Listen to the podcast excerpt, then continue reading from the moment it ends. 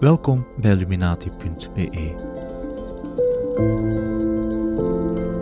Mijn naam is Frank en ik vertel graag verhalen over complottheorieën, pseudowetenschap en desinformatie. U luistert naar het tweede deel van mijn podcastreeks over de platte aarde. In het eerste deel besprak ik wat platte aarders zoal geloven, hoe zij de aardschijf zien, de ijsmuur, de hemellichamen en het heelal. In deel behandel ik het complotdenken dat hieraan onlosmakelijk verbonden is. Buitengewone pseudowetenschappelijke claims vereisen nu eenmaal buitengewone complotten.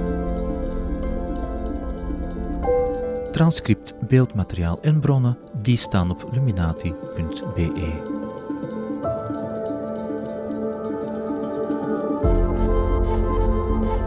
Aangezien er geen enkel wetenschappelijk argument is dat een platte aarde ondersteunt, moeten gelovers hun toevlucht wel zoeken in een andere manier om mensen te overtuigen. En dat zijn complotverhalen. Kleine noot in de marge. Mijn voorkeur gaat uit naar de term complotverhalen in plaats van complottheorieën. Het gaat mij niet zozeer over de meerdere woordenboekbetekenissen van het woord theorie.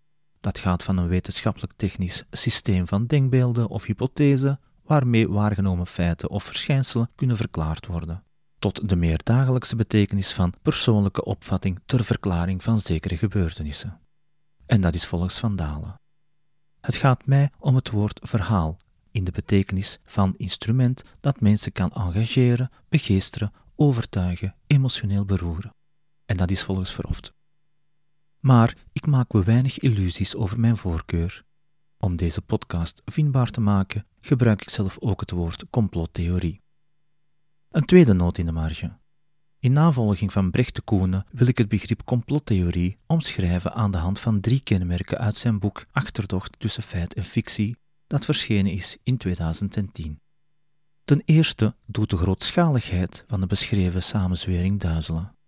Ten tweede gaat het over een hypercompetente groep van oppermachtigen die plannen tot in de puntjes voorbereidt en uitvoert. Tot slot bestaat er een onoverbrugbare kloof tussen de officiële versies en de samenzweringsverhalen. Komt daarbij dat de theorieën waartegen de complotverhalen moeten opboksen wetenschappelijk beter onderbouwd zijn en in het geval van de platte aarde het uitgangspunt finaal onderuit halen. De bolle aarde is een complotverhaal dat ik laat beginnen bij figuren die volgens platte aarders meer hoon verdienen dan vrijmetselaars, jezuïeten, illuminati of reptielmensen, namelijk bij leraren. En dat is een oud gegeven in kringen van platte aarders. Samuel Shenton, die in 1956 de Flat Earth Society oprichtte, fulmineerde al tegen het dogmatisme van de wetenschap en het onderwijs in de scholen.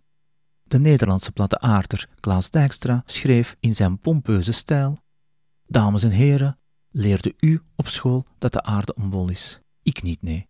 Ik leerde de onderwijzer nazeggen: De aarde is een bol. En ik kreeg een cijfer voor aardrijkskunde. Kunde? Och kom, ik geloofde het en kreeg in feite dus een cijfer voor mijn goedgelovigheid. Ook Erik Dubai, de man die in 2015 de platte aarde-hype opnieuw lanceerde, haalde met zijn boekje The Earthplane zwaar uit naar schoolmeesters en schooljuffrouwen. Het boekje vertelt het verhaal van een jongetje dat de platte aarde leert kennen via zijn gezellige, avontuurlijke opa. Op school wordt hij door een bijna duivelse schoolmeester uitgelachen. Erger nog, die klasdespoot slingert daar bovenop wiskunde en wetenschap richting leerlingen. Volgers van Dubai zorgden op zijn vraag voor foreign language translations. Resultaat 13 in totaal, waaronder ook het Nederlands. Volgens gelovers zijn leerkrachten de slippendragers van de academische elite. Terwijl de universitaire experts veelal liegen, zijn het de leraren die hun pseudokennis verspreiden.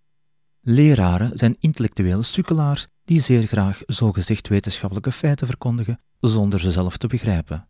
Ze geloven ze alleen maar. Dat is een visie die platte aarders delen met aanhangers van heel veel andere pseudowetenschappelijke verhalen. En in die ondermijning van kennis en onderwijs zit het grootste gevaar van dit soort bewegingen.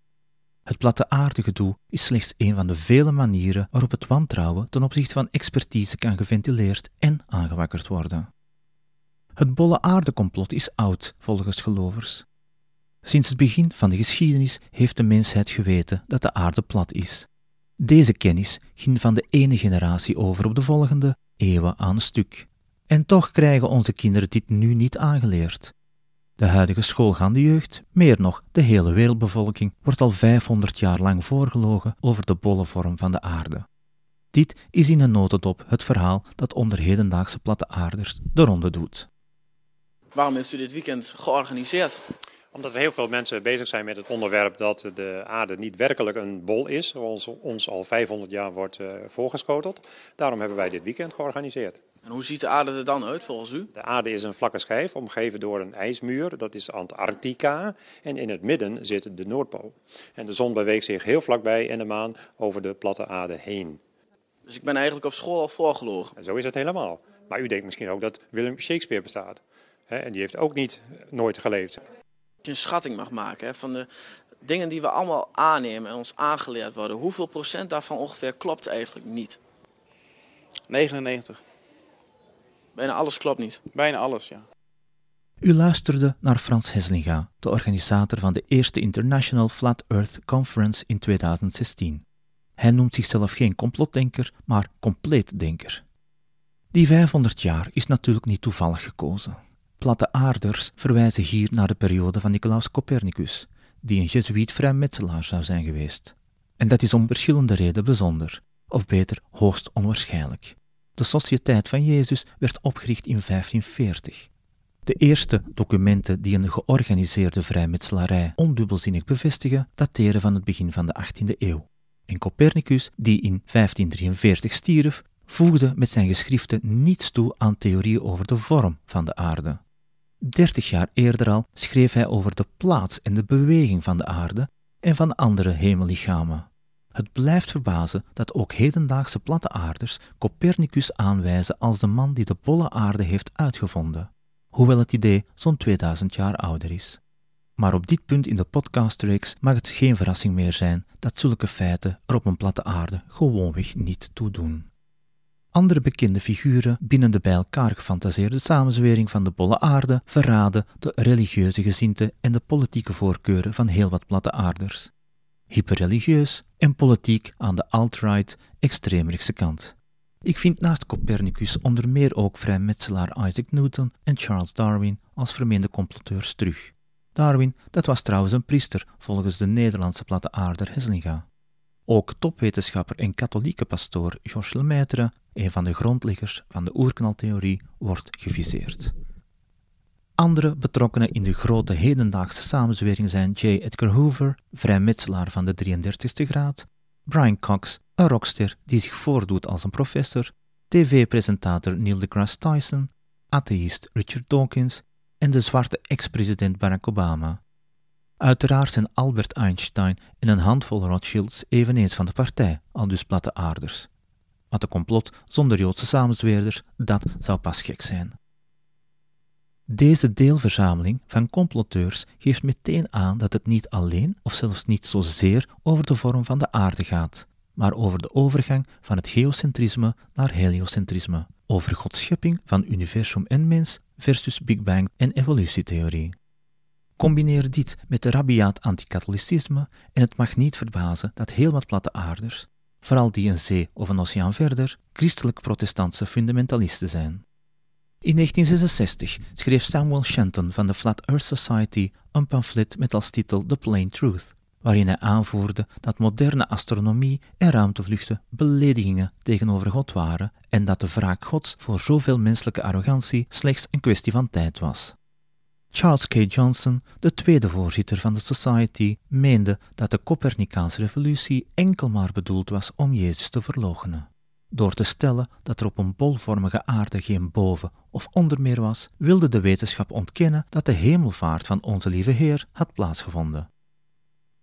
Een samenzweringsverhaal komt zelden alleen. Ze hebben vaak de neiging samen te klieten tot grotere gehelen, tot heuse verhalencyclussen. Andersom heeft bijna elk complotverhaal haast fractale eigenschappen. Ik bedoel, op welk onderdeel van het verhaal men ook inzoomt, men ontdekt steeds een andere, nieuwe of oudere complottheorie in een complottheorie in een complottheorie. Tal van de complotverhalen die platte aarders aanvoeren zijn lichtjes aangepaste versies van oudere verhalen. Hedendaagse platte aarders zijn ervan overtuigd dat de Zuidpool een gemilitariseerde zone is waar pattokijkers geweerd worden. Waarom? Ach, volgens de ene is men op zoek naar geheime militaire basis uit de nazi-periode, volgens de andere zijn die nog actief en beschikken de nog aanwezige nationaal-socialisten daarover geavanceerde vliegende schotels. Al bij al zijn dat oude, afstandse complotverhalen. NASA is een organisatie van of vrijmetselaars, of nazi's, of joden, of van alle voorgaande. Zij beheersen wereldwijd de ruimteagentschappen die in het leven zijn geroepen om met dure computeranimaties, holografische projecties en dies meer de illusie te wekken dat de aarde bolvormig is. Het verhaal dat NASA nooit op de maan geland is, wordt door platte aarders gretig gerecycleerd, inclusief de verwijzingen naar Stanley Kubrick. Of hij verantwoordelijk was voor het regisseren van één maanlanding of alle zes, daar zijn platte aarders nog niet uit.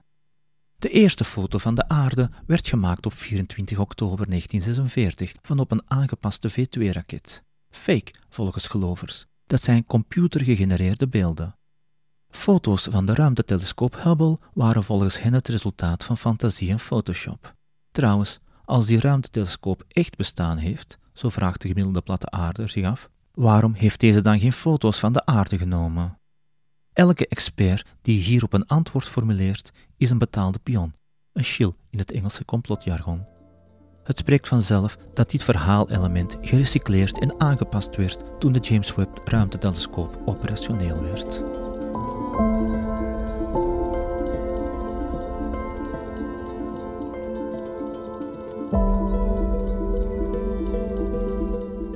Maar welke machtige organisaties zitten nu echt achter het bolle aardecomplot? Als u een verrassingsfeestje voor pakweg uw partner in elkaar wil boksen, dan volstaat er gemoedelijk samen zijn met een vriendin of een vriend om plannen te maken. Wil u samenzweren om twee, drie torengebouwen in New York met de grond gelijk te maken, dan spreekt u volgens heel wat complotdenkers best uw contacten aan bij verschillende Amerikaanse veiligheidsdiensten. Maar om de hele mensheid een half millennium lang een rad voor de ogen te draaien, meer nog een volledige planeet, zonne- en sterrenstelsel, zult u toch iets straffer moeten verzinnen. En dat is precies wat de meeste platte aarders gedaan hebben en blijven doen. Aanvankelijk zaten niemand minder dan de Jezuïeten in het Vaticaan achter deze globale malaise. Recent discoveries have uncovered dates, agendas, and goals that connect the Jesuits to a massive deception for the purpose of a multifaceted end time delusion. The design of this deeply hidden plot has been to change the perception of the masses regarding the authority of the Bible, the correct shape of the earth, the layout of the universe, and the Creator's position in it. Zo hoort je het ook eens van iemand anders. Maar platte aarders behoren tot een groep van complotdenkers die zich uit de naad werken om steeds grotere complotten, steeds machtigere, gevaarlijkere, geheimere genootschappen te ontwaren. Al snel moesten de vrijmetselaars ook wel betrokken zijn en dan kom je automatisch uit bij de Illuminati. En het waren dan plots zonaanbieders en ook nog Luciferianen en Satanisten. Tot dezelfde groep behoren de Europese Joden van Ashkenazische oorsprong. David Icke gaat al langer dan een COVID-epidemie mee en van hem ontleende platte aarders de link Khazaren, Rothschilds en reptiloïden, de verpersoonlijking van het ultieme kwaad. Het lijkt wel of platte aarders steeds op zoek zijn naar het grootste complot, en dat complot moet groter zijn dan het grootste complot van uw medeplatte aarder. Datzelfde woordgebruik, satanisch, luciferisch, etc., is prominent en opvallend aanwezig bij andere, soms oudere groepen van complotbedenkers. Ze voeren ons naar het hart van een bijbels, spiritueel en of antroposofisch geïnspireerde oorlogsvoering tegen de krachten van goed en kwaad. Ik kwam de woorden tegen op conferenties in 2017 in verband met 9-11, waar liefhebbers van een occulte interpretatie van de aanslagen de woorden bezigden. De woorden vormden de kern van het betoog van de Nederlandse nepbankier Ronald Bernhard, ook in 2017. Het is een motief in het bedenkelijk werk van Janet Ossebaard en in de wereld van QAnon, en zelfs onder antivaxers, bijvoorbeeld in de documentaire Died Immediately van 2022. Ik claim niet dat er connecties zijn, maar dezelfde vocabulaire doet soms de ronde in Russische complottheorieën en in Russische propaganda om de invasie van Oekraïne te rechtvaardigen.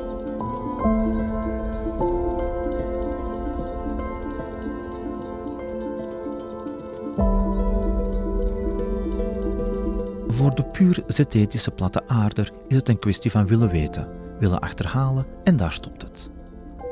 Maar deze groep van zuivere pragmatici lijkt mij zeer sterk in de minderheid te zijn. Voor de overgrote meerderheid van de platte aarders, die spiritueel, religieus of beide zijn, lijkt niet alleen de vorm, maar ook vooral de positie van de aarde een existentiële aangelegenheid. Het grote angstbeeld van religieuze en spirituele platte aarders lijkt op een millennia oude macabere rijdans, waarbij de mens voortgetrokken wordt door luciferische en satanische krachten. Tegelijkertijd hebben die satanisten het vermogen om alomtegenwoordig te zijn, om de ultieme boosaardigheid te incarneren en om paradoxaal genoeg toch niet zo alomtegenwoordig en zo ultiem boosaardig te zijn als hun voorgangers en hun opvolgers. En aan het einde van de keten, daar bengelt de mens, bedreigd, weerloos en angstig. Tot nu, want eindelijk ontwaken de platte aarders en verzetten ze zich als dappere rebellen tegen de grootst denkbare samenzwering, tegen het lot dat het kwade voor hen en de hele mensheid al die eeuwen uitgetekend heeft. Platte aarders zijn als de onverzettelijke inwoners van die kleine Gallische afspanning die koppig weerstand biedt aan de overheersers, aan de boze krachten die het idee van een bolle aarde willen opdringen. Zoals een gelover het dramatisch uitdrukte op een van de vele sociale netwerken. De platte aarde is geen leugen, het ontkracht, ontrafelt de leugen waarin we leven. De platte aarde brengt ons weer dichter bij de betekenis van het leven en bij wie we echt zijn. Soortgelijke uitspraken vindt men eigenaardig genoeg terug bij platte aarders die zich afgekeerd hebben van de georganiseerde religie of van het geloof, maar zich spiritueel noemen. Beide groepen beschouwen de aard, de vorm en de locatie van deze wereld als essentiële onderdelen van hun bestaan en hun geloof. De mens heeft namelijk een speciale plaats gekregen van een scheppende identiteit of kracht, op een statische aarde in het centrum van het heelal dat speciaal voor hen gecreëerd is. De doelbewuste schepping van de mens, waarbij God of een onbekende entiteit hem meteen inschrijft in een goddelijk plan en de centrale plaats in het heelal, zijn kernelementen van hun geloof. Elke wetenschappelijke theorie die de mens van deze exceptionele positie probeert te stoten, wordt gezien als een regelrechte aanval op het wezen, op de kern van de spirituele of religieuze platte aarder en wordt derhalve verketterd. Vandaar ook dat zowel bij groepen van platte aarders de evolutietheorie, het heliocentrisme en dus ook het huidige model van ons zonnestelsel universum geen genade vinden. De evolutietheorie vertelt dat de mens louter het resultaat is van een hoop zeer toevallige mutaties, al dus de gelovers, hoewel alleen al het idee dat we van een aap zouden afstammen even verwerpelijk is. Al bij al was volgens hen Darwin, met wie zij deze theorie nog steeds vereenzelvigen, een vrijmetselaar jezuïet die de mensheid een nihilistische doelloosheid wilde aanpraten. Komt daarbij dat de gedachte van een aarde die slechts een onderdeel is van een zonnestelsel dat doelloos door het universum zweeft, voor heel wat platte aardes zo mogelijk nog ondraaglijker is. Wij zijn geen apen op een rondtollende bal, is een andere, veel gehoorde samenvatting van dit standpunt. Spirituele platte aarders delen het exceptionalisme van de religieuze, maar vullen het anders in. Zij hebben het eerder over hoe wetenschappelijke inzichten een rem vormen op de spirituele groei van de mens tot energie of lichtwezen. Enkel op een platte aarde kunnen mensen zich de existentiële vragen beginnen te stellen: wie we zijn, wat we hier doen, waarom, enzovoort. En dat kan volgens hen blijkbaar niet als je op een van de mogelijk miljarden werelden leeft. Sommige platte aarders geloven wel in een andere soort revolutie. Het uiteindelijke doel van de mens is een spirituele groei die uitmondt in de verandering tot lichtwezen, dat door de koepel boven de platte aarde kan ontsnappen en nieuwe werelden en dus nieuwe fasen in de eigen ontwikkeling kan doormaken. Hoe dan ook, de bolle aarde-theorie en alle eeuwenoude complotten die eraan verbonden zijn, zijn erop gericht om de mens uit het centrum van de schepping te halen, te devalueren, geografisch en spiritueel. Of, zoals de Nederlandse platte aarder Heslinga het in 2016 verwoordde, door de aarde weg te halen uit het bewegingsloze centrum van het universum, hebben de vrijmetselaars ons fysiek en metafysisch van een plaats van superieure belangrijkheid gebracht naar een van totale nihilistische onbelangrijkheid. De platte aarde is voor heel wat gelovers een verhaal over zingeving. Dat counteren met de helaas veel voorkomende zwartgallige reactie dat de mens niet meer is dan een stofje in een leeg, doelloos universum, is dan niet de meest productieve aanpak. Vooral niet wanneer bijvoorbeeld Carl Sagan's boodschap dat we alle gemaakt zijn van sterrenstof, of het idee dat zingeving ook via intermenselijke relaties kan verkregen worden, alvast positievere boodschappen zijn. De platte aarde hoeft niet aan te zetten tot ostentatief zuchten of theatraal ophalen van de schouders. We kunnen evengoed naar buiten komen, de mouwen opstropen en onze energie steken in het aanleren van feitenmateriaal en van kritisch, logisch en wetenschappelijk denken, in formele of informele leeromgevingen, met ruimte voor heel veel menselijkheid, wat relativerende humor en verhalen. Vooral verhalen. Die doen het nog altijd goed.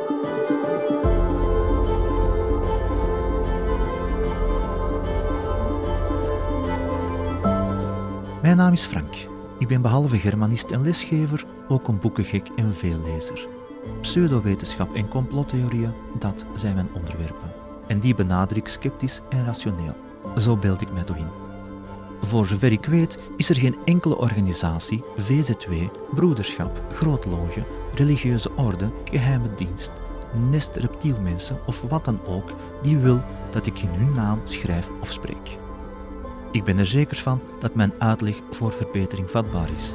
Ik sta dan ook open voor correcties. U weet mij te vinden.